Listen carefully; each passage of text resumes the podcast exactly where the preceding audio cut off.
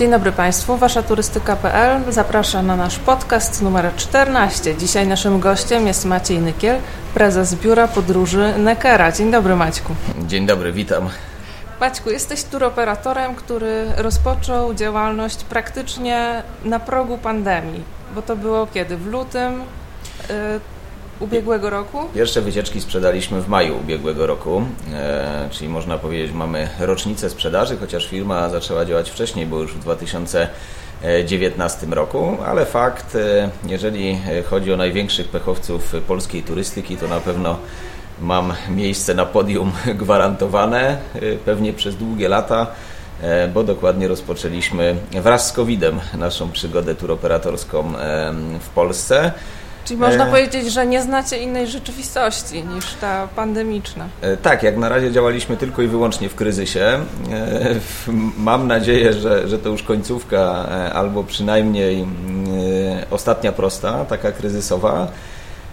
oczywiście sytuacja już tak zupełnie na poważnie dla turoperatora bardzo niekomfortowa, bo nie dość, że nie mogliśmy mm, od samego początku wprowadzić wszystkich produktów, E, to jeszcze no, w sposób naturalny był odcięty e, cały popyt. E, nie mogliśmy ani budować portfolio wakacyjnego, ani rozwijać systemów, ani przede wszystkim testować naszych fajnych produktów wakacyjnych w realnym świecie na, na turystach, na klientach. Ale nie zraziło nas to. Zespół, który tworzy Nekerę, to ludzie z ogromnym doświadczeniem, które nabywaliśmy jeszcze w, wszyscy praktycznie w poprzednim wieku. E, mamy za sobą już mnóstwo kryzysów, e, takich jak wybuchy wulkanów, e, kompletne uziemienia samolotów, takich jak powodzie, kataklizmy, tajfuny, niepokoje polityczne, ataki terrorystyczne, kilkukrotne e, zmiany rządów, e, no, kursów no, walut, wiem, ceny ropy naftowej. Nie wiem, tak czy się dalej, z tym tak zgodzisz, dalej. że jednak no, zatrzymania rynku globalnie o takiej skali chyba jeszcze nie było i nie, nikt nie miał z tym do czynienia w naszej branży. Oczywiście, możemy sobie dowolnie żartować, ale tutaj nikomu do śmiechu. To, to, to był kryzys globalny, globalny, wszechstronny. Mało tego, no, kryzys, który będzie jeszcze wielowymiarowy przed nami. Wydaje się, że jeżeli chodzi o Europę, mamy go za sobą, a przynajmniej w tym e, najgorszym wydaniu.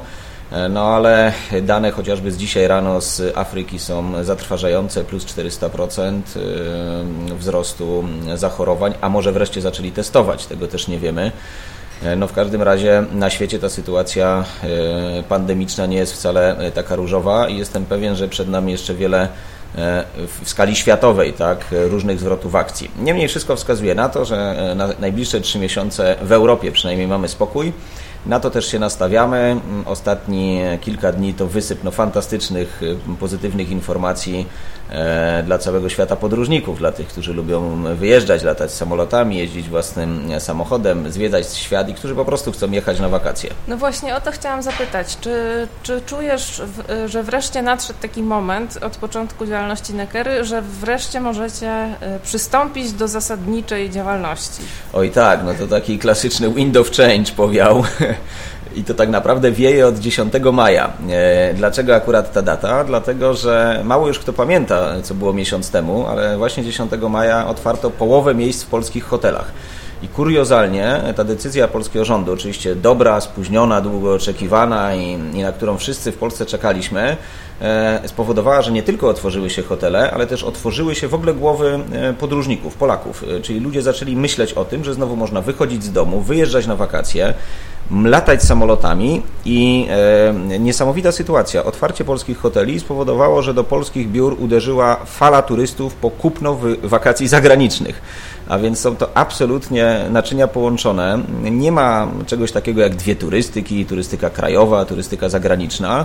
To jest wszystko jeden organizm e, i tak naprawdę wszyscy, no i organizatorzy, i agenci turystyczni, e, i klienci na koniec dnia e, jedziemy na tym samym wózku. To są takie proste, psychologiczne aspekty, które gdzieś siedzą głęboko w naszych umysłach, w naszych głowach i miesiąc temu tak naprawdę te nasze głowy, mówię w skali 40-milionowej populacji kraju się otworzyły. To jest faktycznie okres, w którym uruchomił się no, gigantyczny popyt, zresztą sygnalizowany przez wszystkich graczy rynkowych, również u nas w Neckera no, tłumy ludzi, tłumy rezerwacji, tłumy transakcji. Wreszcie, tak, mogę powiedzieć, że nareszcie czujemy to, że dzień w dzień e, e, ludzie chcą korzystać z wakacji, kupują je, konsumują i przede wszystkim w bezpieczny sposób mogą podróżować, bo mm, to jest bardzo istotne, że do tej pory było bardzo, bardzo wiele niepokojów realnych, prawdziwych zagrożeń. Dzisiaj wydaje się, że te zagrożenia są dużo mniejsze niż kiedykolwiek. No więc wreszcie Nekera oddycha pełną piersią. Wreszcie możemy uruchomić nowe kierunki, które do tej pory e, no, u nas stały, pauzowały. Nie otworzyliśmy mnóstwa destynacji, na przykład w ogóle byliśmy nieaktywni w Hiszpanii. E, nie mieliśmy ani Wysp Kanaryjskich, ani Balearów, ani Hiszpanii kontynentalnej.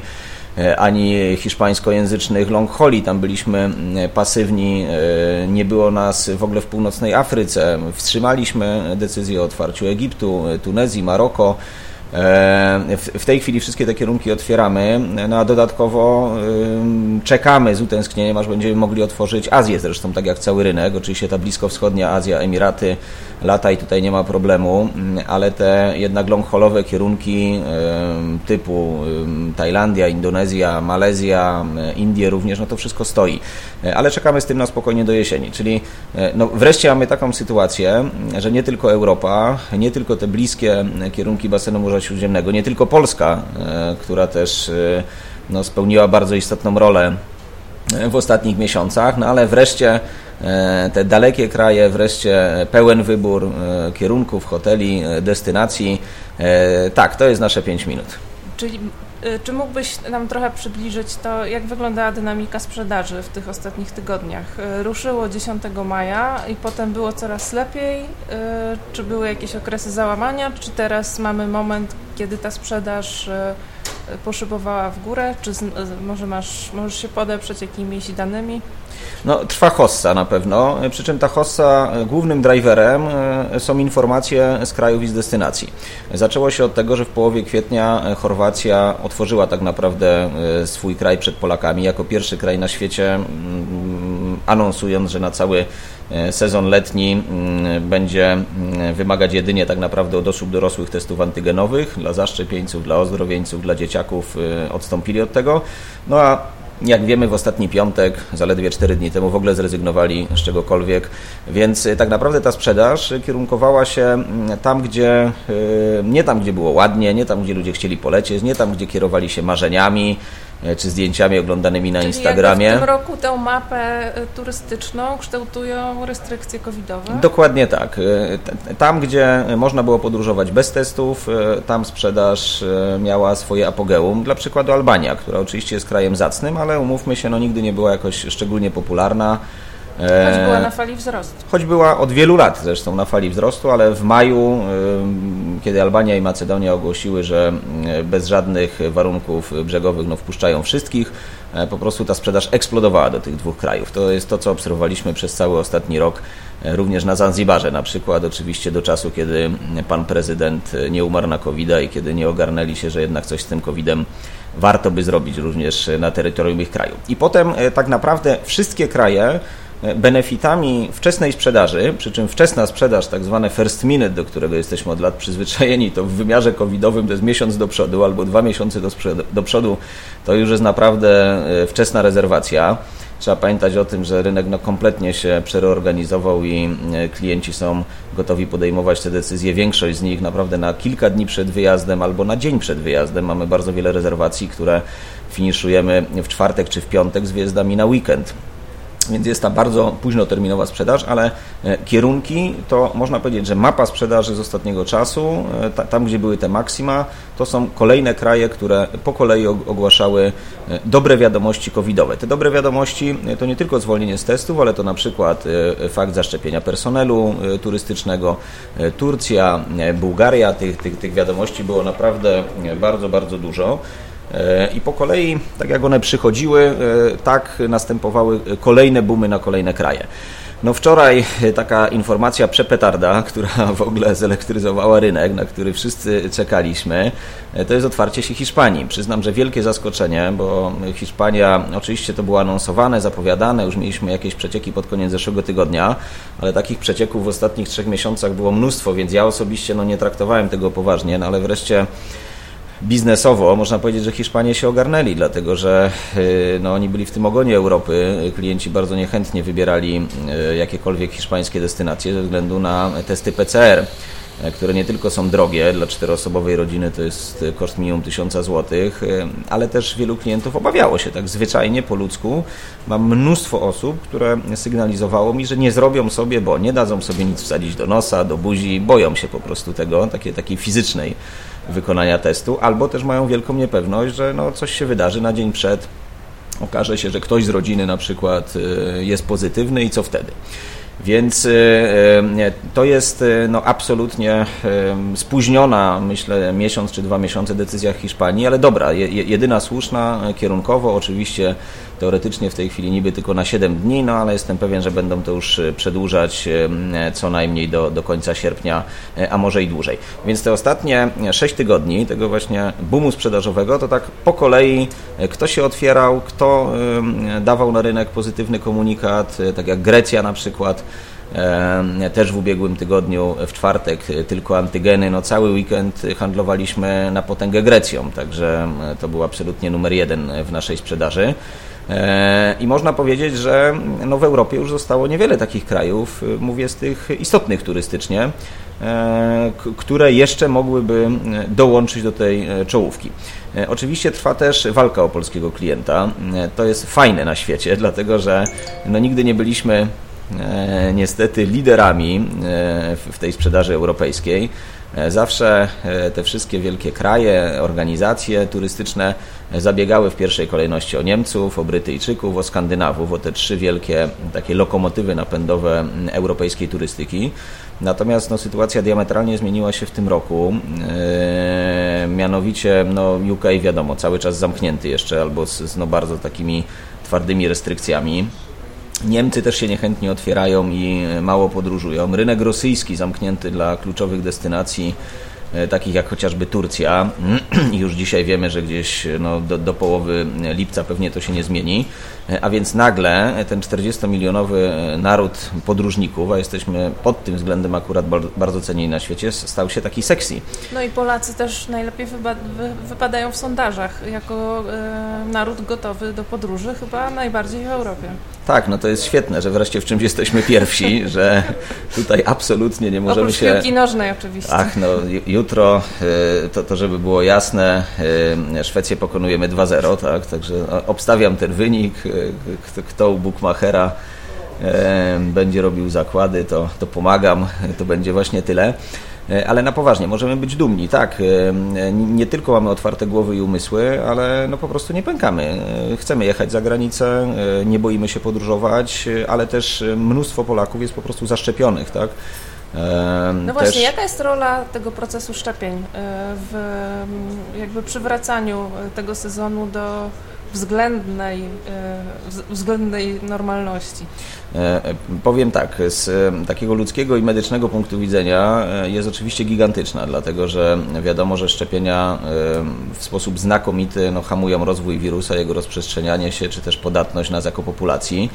E, więc też osobiście, nawet, nawet wykorzystując e, tą, tą skromną okoliczność, zachęcam, tak? Jeżeli nie dla siebie, to zróbmy to dla innych e, i po prostu się zaszczepmy, budując w, te, w, ty, w ten sposób też no, większe dla nas możliwości i, i, perspektywy również biznesowe. Tak? Czym więcej zaszczepionych osób w Europie, tym spokojniejsze podróżowanie, tym większe możliwości jeżdżenia. Natomiast z tymi szczepieniami jest ciekawa sytuacja, dlatego że jeszcze dwa tygodnie temu wszyscy myśleliśmy, że paszporty szczepionkowe, tak zwane, e, będą takim głównym driverem, który pozwoli nam spokojnie podróżować. I e, ja osobiście też bardzo wysoko oceniałem ten projekt. Znowu spóźniony. Unia Europejska powinna go zrobić dużo wcześniej, no ale lepiej późno niż wcale. Cieszyłem się, że to ma wejść zresztą cały czas od 1 lipca. A tu tymczasem wczoraj przychodzi Hiszpania, która mówi, możesz być niezaszczepiony, możesz być nietestowany, choć przyjeżdżaj do nas. Więc może się okazać, że same decyzje krajów, no na razie Hiszpania jest taka pierwsza oczywiście z tych dużych, ważnych, tak, nie, nie licząc Albanii czy Macedonii, sprawią, że być może w ogóle nie będziemy potrzebować tych paszportów szczepionkowych do podróżowania i jeszcze raz zaznaczam na terenie Europy. Tak? Pamiętajmy o tym, że mm, nie ma w tej chwili jednolitych przepisów nawet w Europie, już nie mówiąc na świecie, więc na pewno zaszczepić się warto. E, zróbmy to jeszcze raz dla siebie albo dla innych, e, ale też po to, żebyśmy mogli spokojnie podróżować po świecie, bo spodziewam się, że no w dłuższej perspektywie, szczególnie takie long-haulowe destynacje, zapowiedziała to już Australia, zapowiedziała Nowa Zelandia, zapowiedziała wiele krajów azjatyckich, że e, w najbliższym czasie niezaszczepionych osób w ogóle nie będą wpuszczać na swoje e, terytorium. Czyli e, czy, czy wierzymy w szczepionki, czy nie, w ich skuteczność lub nie, ale jak chcemy podróżować, po prostu trzeba to zrobić. Chciałam Cię dopytać, ponieważ to jest pierwszy taki w ogóle okres w historii, kiedy mamy kompletnie nową sytuację w turystyce. Nawet jeszcze jest inna niż rok temu, choć wydawałoby się, że już się trochę przyzwyczailiśmy, to jednak e, rok temu nie mieliśmy aż takich ograniczeń w podróżowaniu pod względem formalnym. Oczywiście działo się dużo, e, kierunki zmieniały decyzje, słynna Volta Grecji, jeśli chodzi o wprowadzenie testów w środku sezonu i tak dalej. Natomiast e, w tym roku mamy jakiś wysyp papierologii. Jadąc, nie wiem, gdziekolwiek, trzeba wypełnić mnóstwo formularzy, papierów, pozyskać kody QR, już nie mówiąc o samych testach albo certyfikatach szczepień. Jak ludzie się w tym odnajdują? Powiem tak, to, e, to młodsze pokolenie, e, takie X i Y, oni są w szoku. To znaczy, dla nich w ogóle papier jest czymś hańbiącym i konieczność wydruku czegokolwiek, nieposiadania tego na urządzeniu mobilnym z jakimś no, no, przykrym obowiązkiem do spełnienia, nie mogą się odnaleźć w tej sytuacji, ale są sprawni technicznie. Natomiast dla e, takiego pokolenia, e, nazwę to 35, plus, albo 40, plus, albo 50, plus, e, jest to codzienność, bo oni pamiętają coś takiego jak wizy. Mhm. Kiedyś, lata 80., 90., 70. poprzedniego wieku, no to przecież podróżowanie z paszportem, w którym trzeba było mieć wizy. Po te wizy trzeba było stać w kolejkach, aplikować, po nie składać formularze, czyli dokładnie to samo. Świat cofnął się o te 20-30 lat, co robimy dzisiaj, bo stoimy w kolejce, bo aplikujemy, bo wysyłamy. No tylko kiedyś szliśmy do urzędu paszportowego czy do ambasady, a teraz robimy to elektronicznie e, przez formularze, przez internet.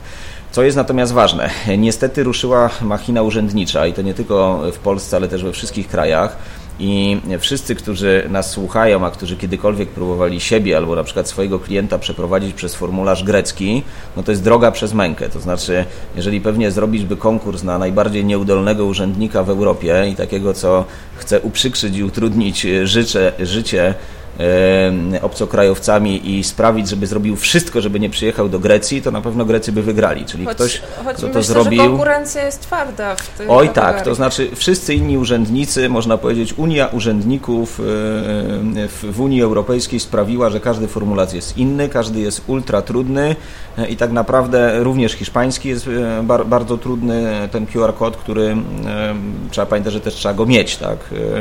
E, E, więc no, ja mam wrażenie, że, że uruchomiło się takie second life urzędasów, którzy robią wszystko, żeby teraz, no mimo że już... tę epidemię papierami. No właśnie.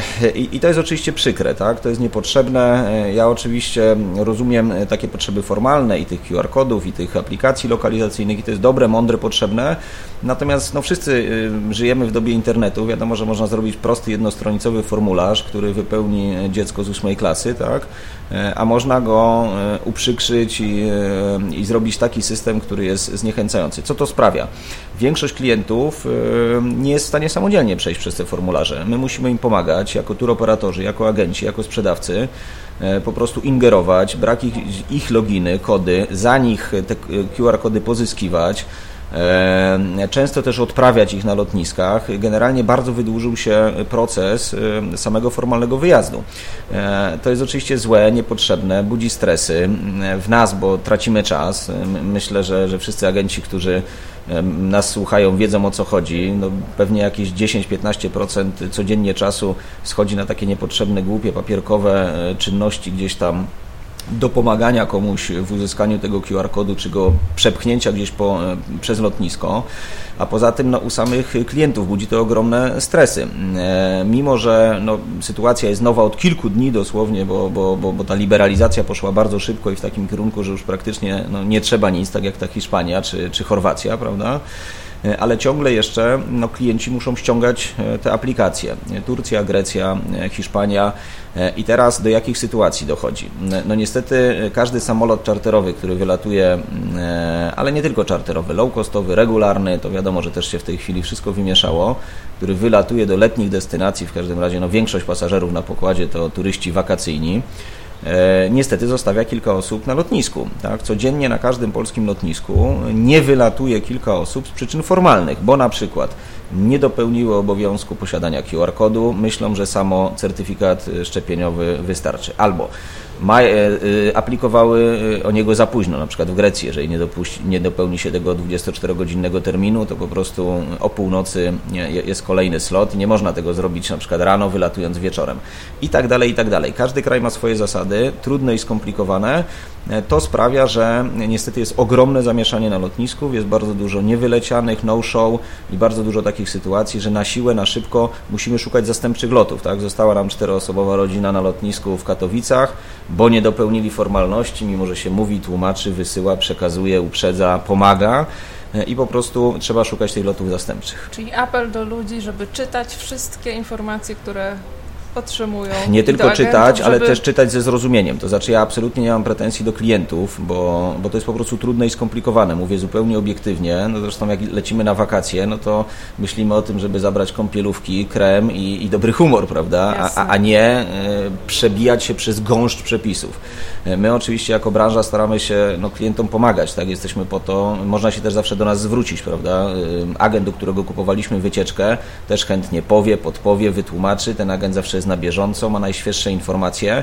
I co jest jeszcze bardzo ważne, no sprawdzajmy te przepisy nie tylko w momencie, kiedy wycieczkę rezerwujemy, na przykład na 2-3 tygodnie czy na tydzień przed wyjazdem, ale też dwa dni przed wyjazdem, bo te przepisy zmieniają się tak dynamicznie, że po prostu trzeba być na bieżąco i trzeba być na bieżąco tuż przed, na 48 godzin, na 24 godziny przed. Sprawdźmy wszystko, czy mamy wszystkie dokumenty, czy na pewno na czas doszły e, i czy wszyscy uczestnicy wycieczki też te dokumenty e, posiadają. Także faktycznie jest trochę po nowemu w tym roku. Musimy się, e, o ile przez no, praktycznie cały XX wiek braliśmy w rękę paszport albo dowód i po prostu sobie gdzieś lecieliśmy, nie martwiąc się o nic, szybko przyzwyczaja. Tak. A tu trzeba trochę tych formalności przypilnować. Jednak jest nadal ciągle przed sezonem. Jeszcze y, nie mamy tego szczytu i tego rejwachu na lotniskach. Y, czy wyobrażasz sobie, żeby to tak trwało na przykład w lipcu i żeby dalej borykać się z tymi, z tymi problemami, które są dzisiaj, bo to pewnie pomnoży się przez cztery. Powiem tak, nie zgodzę się, że jesteśmy przed sezonem. Już Jeżeli chodzi, w szczycie, Oczywiście, tak? jesteśmy w szczycie sezonu myślę, że od dobrych 3-4 tygodni. E, mówię o liczbę pracy, Chodziło którą mi mamy... o wakacje szkolne, które jednak A, tam... oczywiście, no tak, e, ale to też się nie zgodzę. E, mamy mnóstwo przypadków takich, że w czerwcu wyjeżdżają już całe rodziny. To znaczy mnóstwo ludzi pozwalniało dzieciaki ze szkoły. Ten rok szkolny też jest rozwalony. Bardzo wielu klientów sygnalizuje, że szczególnie w tym roku chodzenie dzieci do szkoły w czerwcu nie ma żadnego sensu. Tam już ani mhm. nauczyciele nie mają ochoty uczyć, ani dzieci nie mają ochoty się uczyć. Po prostu biorą dzieciaki, lecą na wakacje. Więc pod tym względem też ten sezon gigantycznie przyspieszył. E, tak, masz rację. Faktycznie co roku tradycyjnie było tak, że ten e, hasłowy dzień końca roku szkolnego to był pierwszy dzień szczytu sezonu, czyli on w tym roku powinien wypaść 25 e, czerwca, czyli za 4 dni. E, piątek jest w większości polskich szkół e, zamknięcie roku, albo czwartek w niektórych. W tym roku przyszedł zdecydowanie wcześniej. Mało tego, no ten popyt, który na ferstach rozkłada się zazwyczaj przez 8-9 miesięcy, bo wakacje mm, sprzedajemy od sierpnia, września roku poprzedzającego, no w tym roku skumulował się tak naprawdę w półtora miesiąca, czyli E, w półtora miesiąca my jako branża turystyczna, jako turoperatorzy, jako agenci w biurach, no musimy obsłużyć popyt dziewięciomiesięczny. Tak? Na ogół rozkładało się to na znacznie więcej. Oczywiście nie ma jeszcze aż tyle samolotów, jest mnóstwo wolnych slotów na lotniskach ze, świetnymi, ze świetnymi godzinami przelotów. To jest sytuacja niezwykła. że zawsze o te sloty się walczyło, żeby wylecieć w sobotę rano, prawda, i, i, na, i najlepiej wrócić w tą sobotę czy niedzielę wieczorem, to, to po prostu takich slotów na lotniskach nie było. Teraz bierz, przebieraj, wybieraj ile chcesz i czego chcesz. Wszystkie lotniska mm, też zachęcają, są otwarte. No wiadomo, tam odpadło bardzo dużo biznesu, czy, czy, czy takich podróży typu leisure, czy, czy, czy rodzinnych. E, no i można powiedzieć, że turystyka napędza polskie lotniska. To też, to też jest w tej chwili niezwykle istotna E, część, nawet dla tych lotnisk, które tradycyjnie mm, nie były mm, czy sfokusowane, czy przez swoją charakterystykę, czy położenie aż tak bardzo nastawione na ten mm, ruch turystyczny, jak na przykład warszawskie lotnisko Okęcie które oczywiście ruch turystyczny miało, no ale dużo więcej biznesu miało w innych e, obszarach. E, także okej, okay, lotniska nie są, dla lotnisk na pewno nie jest to szczyt sezonu i to też nie będzie udany prawdopodobnie sezon dla lotnisk, przynajmniej ten te pierwsze kilka miesięcy, oby były udane dalej, oby lotniska się zapełniły, ale w biurach podróży no, mamy absolutny szczyt sezonu i większość no, agentów sygnalizuje wprost, no, nie obrabiamy się, szukamy ludzi, e, zatrudnimy dodatkowych pracowników, siedzimy po godzinach, pracujemy w weekendy. E, to jest rzeczywisty obraz e, dzisiejszego przeciętnego biura podróży i dobrze, czekaliśmy na to rok czasu. Ja zdecydowanie wolę tak niż, e, niż ten ostatni rok, kiedy wszyscy no, trochę patrzyliśmy w sufit i e, robiliśmy rzeczy oczywiście też ważne, potrzebne, istotne z punktu widzenia turoperatora, ale nie związane bezpośrednio ze sprzedażą. Jasne. E, a jak wygląda sytuacja, jeśli chodzi o bazę hotelową? Bo mm, możliwości, rozumiem, jeśli chodzi o lotniska i przepustowość tutaj jest, natomiast jak to wygląda w hotelach? Bo teoretycznie wybór powinien być tak samo szeroki, ale też e, duża część obiektów nadal e, no właśnie, jest pod prześcieradłami. Tak, tutaj trzeba, jest mnóstwo obiektów. Tutaj trzeba obalić kilka mitów. Po pierwsze, często słyszę różne osoby wypowiadające się w mediach, które mówią, no to po covid to powinno być super tanio, wszyscy hotelarze powinni walczyć o klienta i w ogóle powinno być full wolnych miejsc. No nic podobnego się nie dzieje, ani w Polsce, ani za granicą dlatego że szczególnie w tych no, resortach zagranicznych hotele są skupione w sieci. Mało kiedy jeden hotelarz posiada jeden hotel, to się praktycznie nie zdarza. E, to jest no, wysoce sprofesjonalizowane i po prostu są sieci. Jak taki hotelarz ma 10 hoteli, a na przykład ma, nie wiem, w Turcji zamknięty rynek rosyjski, czy nie przylatują Niemcy czy, czy Anglicy, to on dla samych Polaków nie otworzy 10 hoteli, bo po prostu nie zapełni, nie jest w stanie jedną nacją, tak, e, nikt zapełnić wszystkich wolnych e, miejsc. Wtedy otwiera się dwa czy trzy hotele, a reszta po prostu czeka na lepsze czasy.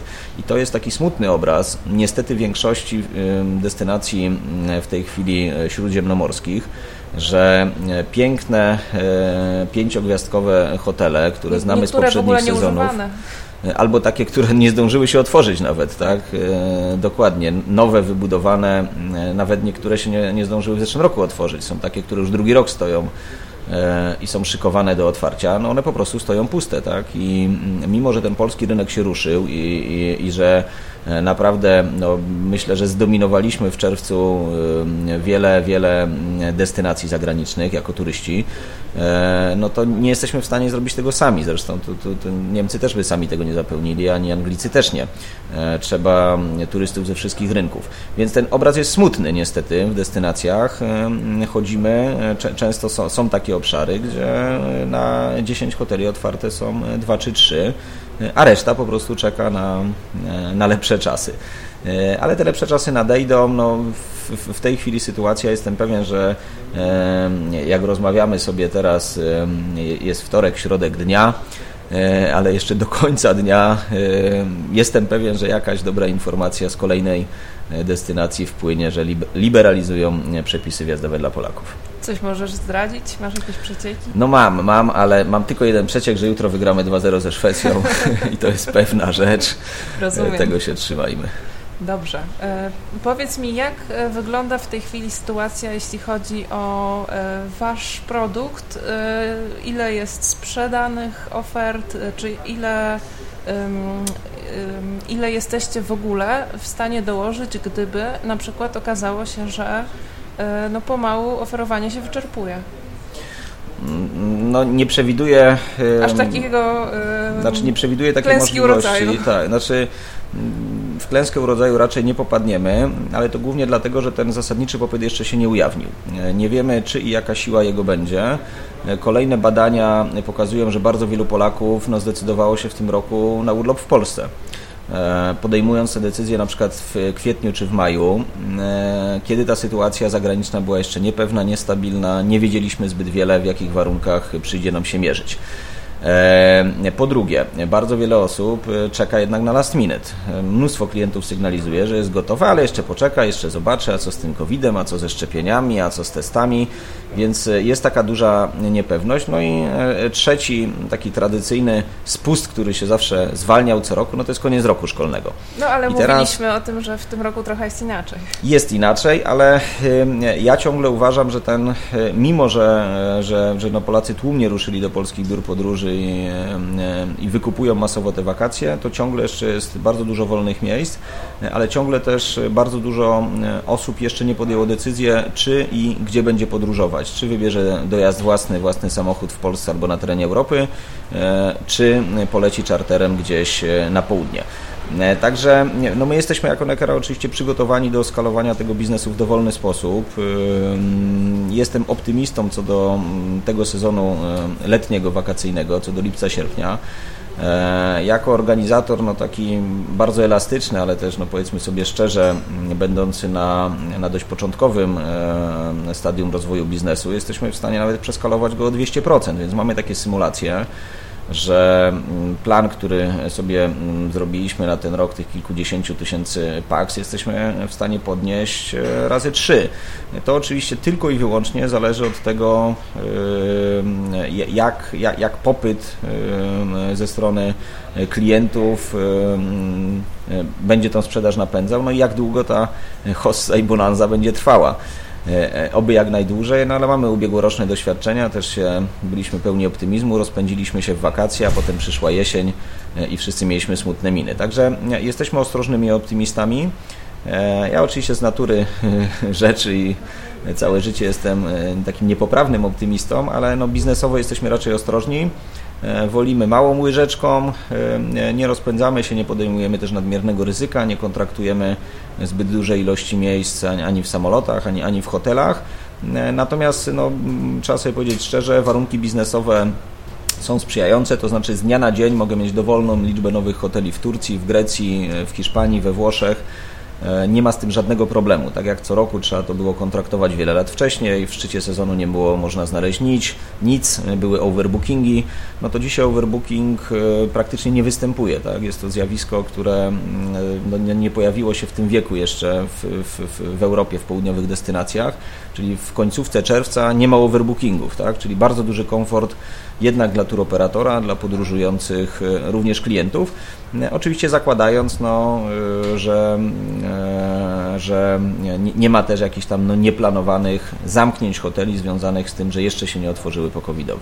Czy kontrakty gwarancyjne mają jeszcze w ogóle rację bytu? Oczywiście, tych, że tak.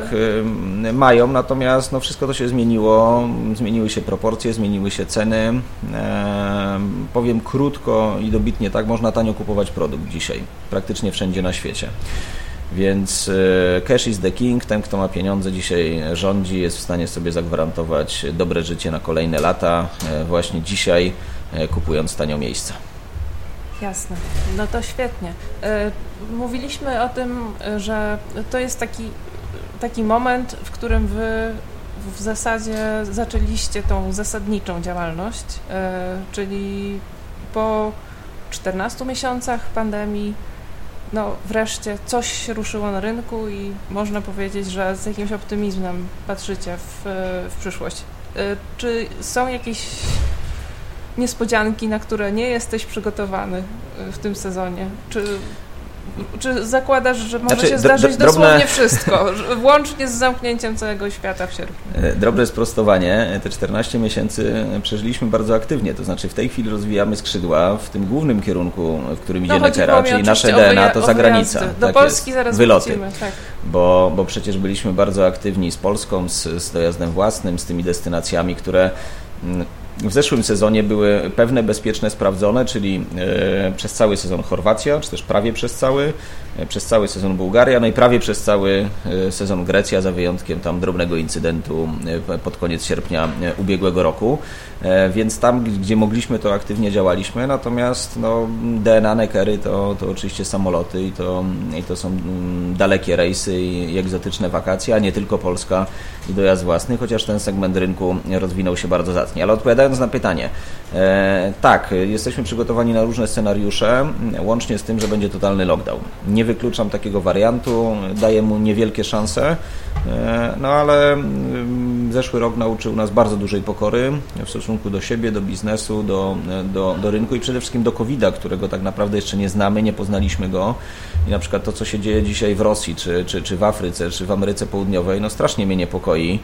Wiadomo, że świat to globalna wioska i no nie możemy spać spokojnie w Europie, według mnie, wiedząc, że, że, że no są co najmniej w tej chwili na świecie trzy gigantyczne ogniska E, COVID-a z nieznaną e, jakby przyszłością, jeśli chodzi o mutacje, rozwój i tak dalej. Nie chcę straszyć, bo to nie o to chodzi, tym bardziej, że moment jest taki, że na, naprawdę no jest dużo optymizmu e, wśród nas, wśród klientów i, i wakacje będziemy mieli spokojne, ale tak, no biznesowo nie myślimy w kategoriach absolutnie jakiejś wielkości czy, czy ekspansji, wolimy spokojny rozwój, spokojne budowanie swojej pozycji na polskim rynku turoperatorskim. E, nie będziemy robić jakichś spektakularnych e, ruchów, e, nie mamy też no, żadnego ani biznesowego, ani żadnego innego no, parcia, żeby, żeby, żeby przyspieszać pewne naturalne procesy. Każda firma musi rozwijać się w swoim tempie, więc mamy no, wieloletni plan dojścia do naszych tych strategicznych celów za 3, za 5, za 10 lat. Wiemy, co robić. myślę, że jesteśmy w świetnym e, miejscu. No w zeszłym roku, mimo że rozpoczęliśmy sprzedaż w maju, obsłużyliśmy ponad 13 tysięcy klientów. E, daje nam to obecnie dziewiątą pozycję na rynku, jeżeli chodzi o liczbę paksów e, wśród turoperatorów. No a jeżeli chodzi o ostatnio opublikowane dane finansowe, to jeśli chodzi o rentowność, jesteśmy ósmym podmiotem na rynku. Oczywiście to był strasznie pokręcony rok, niereprezentatywny i, i, jestem pewien, że 2021 wszyscy pokażą kompletnie inne liczby, no ale jednak wejście do top 10 polskich turoperatorów yy, uważam, że e, Osobiście uważam, że jest sukcesem mojego zespołu. Ciężko na to zapracowaliśmy. Nie mieliśmy szczęścia, bo, bo, startowaliśmy w bardzo trudnych warunkach, a jednak daliśmy radę, więc no, to naprawdę jest taki super punkt wyjścia. decyzje, które były, na które duża część osób e, szeroko otwierała oczy. Mówię o wejściu na taką skalę w polską ofertę w zeszłym roku. E, tak, no mieliśmy może takiego biznesowego nosa, ale też wiarę w Polskę, w, w, w tą ofertę, no i myślę, że jako jedni z pierwszych na rynku e, niestety oceniliśmy e, prawdziwie możliwą e, skalę zniszczeń, którą wyrządzi COVID i polskiej gospodarce i polskiej turystyce. Czyli faktycznie jako pierwsi no, wprowadziliśmy prawie tysiąc ofert na Polskę do polskich systemów rezerwacyjnych ku zdumieniu i właśnie szeroko otwartym oczom większości rynku. Ja pamiętam, dużo było takich rozmów i takich osób życzliwie pukających się w czoło i mówiących, ten nykiel to jest wariat, to przecież się nie może udać. Gdzie tam, przecież moi klienci to latają tylko do Grecji, Turcji, oni w życiu nie kupią w biurze podróży Polski. No okej, okay, pewnie by nie kupili, gdyby mogli kupić tą Grecję i Turcję, ale kiedy de facto e, zagranicy zabrakło, no bo przypomnę, że bez testów lataliśmy tylko mm, do, do, do sześciu krajów, to był Zanzibar, Dominikana, Meksyk oraz Kostaryka, e, no to jednak ta Polska królowała. To samo niestety wydarzyło się zimą. Pamiętajmy, że ten rynek no to nie tylko te letnie i ciepłe, ale też zimowe wakacje. E, Włochy były zamknięte, Austria była zamknięta, e, tylko Szwajcaria była otwarta też bardzo szybko. Tutaj do tej Szwajcarii weszliśmy i z polskimi szkołami narciarskimi, z ofertą ponad 100 obiektów, więc byliśmy szybcy i elastyczni i myślę, że no, z dużo większym wyprzedzeniem niż no, pozostali turoperatorzy, po prostu reagowaliśmy na tą sytuację rynkową, ale uważam, że dobrze, znaczy dobrze nie tylko dla Nekery, tak, oczywiście to fajnie, że dzięki temu moja firma mogła lepiej przetrwać ten covidowy okres, ale dobrze też dla całego rynku, dlatego że ja wielokrotnie to tłumaczę, E, Polska nie jest e, czymś, nie wiem, złym, niewygodnym, niedobrym dla, dla polskich biur podróży. E, absolutnie nasi konsumenci konsumują tą Polskę, tylko do tej pory no, nie kupowali tego masowo u nas, tak? Omijali nas. Czemu ma się da dalej tak dziać? Dlaczego Polacy mają w polskich biurach podróży nie kupować Polski? Tym bardziej, że koszyk jest atrakcyjny. Prowizje są no, niemalże takie same jak na zagranicy. I przykładowo no, tydzień nad polskim morzem kosztuje w tej chwili w dobrym 4-5 gwiazdkowym hotelu około 10 tysięcy złotych. Tak? To jest budżet, który nasi klienci płacą na Majorce, czasami na Malediwach, nawet na lastach, prawda? Więc jest to pełnoprawny produkt, produkt również jakościowy. Klienci wracają zadowoleni z tych wakacji, tak? odkrywają Polskę. Jeszcze raz mówię, masowo go konsumują, tylko masowo go u nas nie kupowali.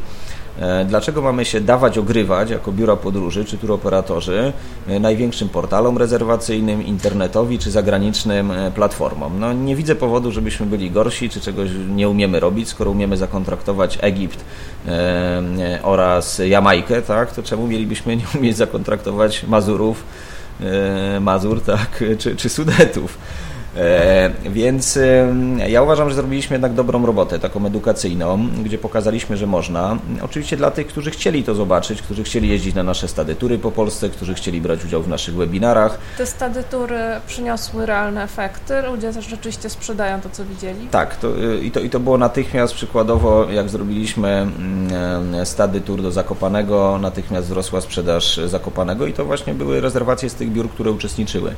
E, no niestety trochę w naszej branży jest tak, że, że, że trzeba uczyć się całe życie, tak? Nawet tak zwani bywalcy wszystkich rivier świata, e, a większość pewnie ze słuchających tego podcastu do takich należy, no musi to sobie przypominać, odświeżać, a wielu z nas po prostu w Polsce nie podróżowało w ostatnim czasie, bo były atrakcyjne e, wyjazdy na Sri Lankę, do Chin czy do Kenii, prawda? I tam te destynacje dobrze znamy, znamy bazę hotelową, bywamy tam, czy też bywaliśmy w ostatnich latach no a tą Polskę e, większość no, z profesjonalistów polskiej branży turystycznej po prostu sobie odpuściła albo tak traktowała po macoszemu. Więc to był taki dobry rok, żeby to sobie odświeżyć, przypomnieć i co się okazało? No ten feedback był bardzo pozytywny. Ludzie zobaczyli no, nowoczesny kraj z dobrą bazą hotelową. Oczywiście cały czas istnieją jakieś tam takie popoerelowskie spady, jakieś klocki, domki, brda z rozpadającym się drewnie, ale to jest mniejszość, tak? To, to jest naprawdę, to już przechodzi do skansenów, a większość obiektów to nowoczesne hotele, które śmiało mogą konkurować e, z bazą w basenie Morza Śródziemnego. Oczywiście no, polska pogoda i, i, i pogoda śródziemnomorska to, to dwa różne światy. Nigdy wakacje w Polsce nie będą substytutem wakacji zagranicznych, no bo to się nie da. To są inne uczucia, inne emocje, inne doznania. No ale ciągle jest, jest to jednak wyjazd, to jest hotel, to jest coś porównywalnego, więc na ten czas covidowy to było dobre, ale to wykorzystajmy i na pewno Nekara pozostanie w tym segmencie. No właśnie, co dalej z tą ofertą polską? Bo widziałam statystyki jednego z dużych agentów internetowych i Polska jest bardzo wysoko w sprzedaży w biurach podróży. No więc mówię, ta cała operacja się udała. E, ci, którzy oczywiście zrozumieli, na czym ten biznes polega i w to weszli, e, weszli z sukcesem. E, po pierwsze, Polacy chcą tej Polski, czyli oprócz tego, że jedziemy sobie na zagraniczne wakacje, najczęściej w miesiącach letnich z, z rodziną, to jednak tą Polskę również ci nasi klienci konsumują w ciągu roku. Czyli na przykład jadą sobie na weekend do Torunia, albo do Gdańska, albo zabierają do, dzieciaki do jakiegoś jednego z parków rozrywki, tylko no, trzeba sprawić, żeby kupowali u nas. Dzięki temu mamy z nimi częściej kontakt e, niż tylko jeden raz w roku, kiedy kupują u nas za granicę. E, po drugie, stajemy się takim miejscem, e, taki, taki one marketplace e, do spełnienia wszystkich komplementarnych usług turystycznych. Kupią u nas ubezpieczenie, kupią u nas obóz dla dzieciaka czy obóz językowy. E, no, czyli ważne, żeby kreować też taką przestrzeń, no po to jesteśmy profesjonalistami, po to mamy swoje biura podróży, żeby oferować wszystko, tak? Uważam, że no nie jest dobre zamykanie się tylko ja jestem specjalistą od zagranicy, a Polska to siowon i w ogóle idźcie do biura za następnym rogiem. Okej, okay, ten ten klient może pójść, ale może już nie wrócić, bo e, za tym następnym rogiem ktoś, kto mu sprzeda Polskę, ma również Zanzibar e, i Kenię i Malediwy, tak? I przejmie tego klienta i po prostu możemy go stracić. Więc e, czym bardziej będziemy kompleksowi, czym zaoferujemy szersze portfolio produktów, tym będziemy w stanie bardziej tego klienta zlojalizować i przyzwyczaić go do naszych usług i po prostu no, służyć mu tym naszym wsparciem, doradztwem, tą ekspercką wiedzą dotyczącą Polski. Więc ci, którzy spróbowali Polski, przekonali się, że Polska jest fajna, że jest sexy i że można na niej zarobić, no bo in the end of the day chodzi o to też, żeby e, wystawić do tego turoperatora jak najwyższą prowizję i żeby, żeby po prostu no, godziwie sobie żyć. I zapewniam, że ci, którzy to zrozumieli i e, którzy jakby w ten trend weszli i uzupełnili swoje zagraniczne portfolio polskimi produktami, wyszli na tym również dobrze finansowo, są zadowoleni. No właśnie, to jest to, co powiedziałeś na początku, że turystyka jest e, systemem naczyń połączonych i COVID wreszcie nam o tym przypomniał, e, bo e, ja z naprawdę takim niepokojem śledziłam zawsze ten taki konflikt Polska-zagranica w polskiej branży, że po prostu był taki podział. On pewnym momencie chyba troszkę się zatarł. No myślę, że dzisiaj już wszyscy widzą, że oczywiście można się w czymś specjalizować i to jest bardzo dobre, tak? Ktoś jest w czymś lepszy, w czymś gorszy. Natomiast y, y, to jest nasz podział biznesowy, branżowy, tak? Oczywiście, no nie każdy musi robić Polskę, nie każdy musi robić za granicę, to jest kwestia decyzji biznesowej, ale nie dam sobie wmówić, że tymi oczami patrzy klient. Nie bo my jako branża mieliśmy taką manierę, czy taką, takie coś, że właśnie klient to jest albo on kupuje krajówkę, albo kupuje zagraniczne. I to jest nieprawda. Jakby COVID jasno pokazał, że jak wejdziemy w buty naszego klienta i spojrzymy na nas naszymi oczami, to on nie patrzy na nas. My jesteśmy biuro podróży. On chce u nas kupić wszystko. Raz kupi Polskę, raz kupi zagranicę. Mało tego, jeździ i tu, i tu. Nie ma takich klientów, którzy jeżdżą tylko do Polski albo tylko za granicę, albo jest ich bardzo mało. Więc to jest taki mit, który na pewno został obalony. Zresztą no, takich mitów w naszej branży jest więcej, jak na przykład tanie linie lotnicze, tak?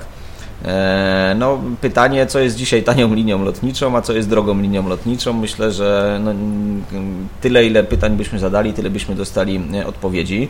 Więc to jest kolejny mit, że latamy tanią linią. No i pytanie, czy tania linia to jest wtedy, kiedy kupujemy bilet za 19,99, prawda? Ale już za bagaż dopłacamy 300 zł, tak. a za to, żeby siedzieć obok siebie, to jeszcze dopłacamy kolejne 30, 40 czy 50 i e, na koniec dnia okazuje się, że ten bilet kosztował 500 zł, czyli dokładnie tyle, ile w każdej tak zwanej regularnej linii lotniczej, prawda? Teraz e, mamy jeszcze wysyp artykułów opartych na analizach, które mówią o gigantycznych podwyżkach na polskim rynku. Jak to wygląda z Twojego punktu widzenia? My zrobiliśmy takie badanie, potwierdzam, to znaczy e, ceny w stosunku do ubiegłego roku, który już nie był tani, e, poszły e, od 50 do 70% w górę w tych topowych ośrodkach, czyli na przykład w pierwszej linii brzegowej nad Bałtykiem.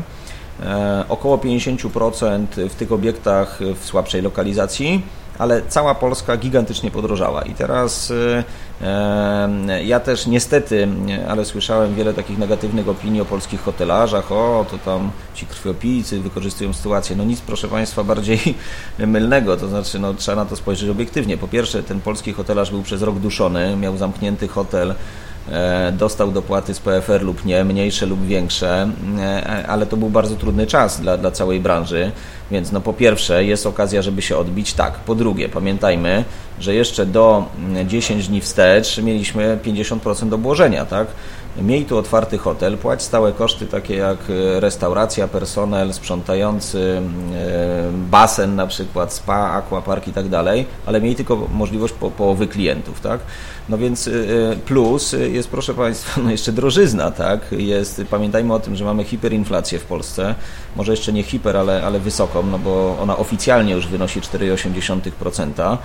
E, a myślę, że realnie jest znacznie wyższa. No wszyscy chodzimy do sklepów, kupujemy produkty i, i, wiemy, jak bardzo podróżowo życie codzienne, a jeszcze do tego wiadomo, że jest dokładka podatków, tak?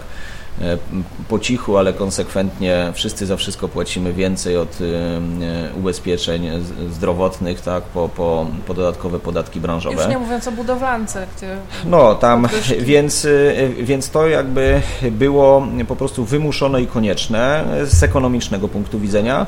No i, i nie da się ukryć, że no też ci, którzy mają dobre obiekty, dobrze położone, wykorzystują też koniunkturę. No, to tak już jest w biznesie i na rynku. Jak jest popyt, to się cenę ciągnie w górę, tak? Jak tego popytu nie ma, to się robi przeceny, lasty i obniżki. Tych przecen jest bardzo mało w tym roku i, i faktycznie ci, którzy mają dobre obiekty, dobrze położone, no nie mają problemu ze sprzedażą tych miejsc za wysoką cenę.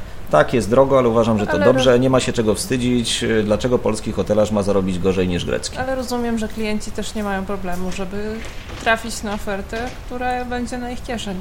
Tak, to po pierwsze, a po drugie, no, kolejna kuriozalna sytuacja COVID-a. Wszyscy, ja również jako ekonomista, tak, i z wykształcenia i z praktyki, obawiałem się braku pieniądza na rynku i tego, że po prostu nas nie będzie stać.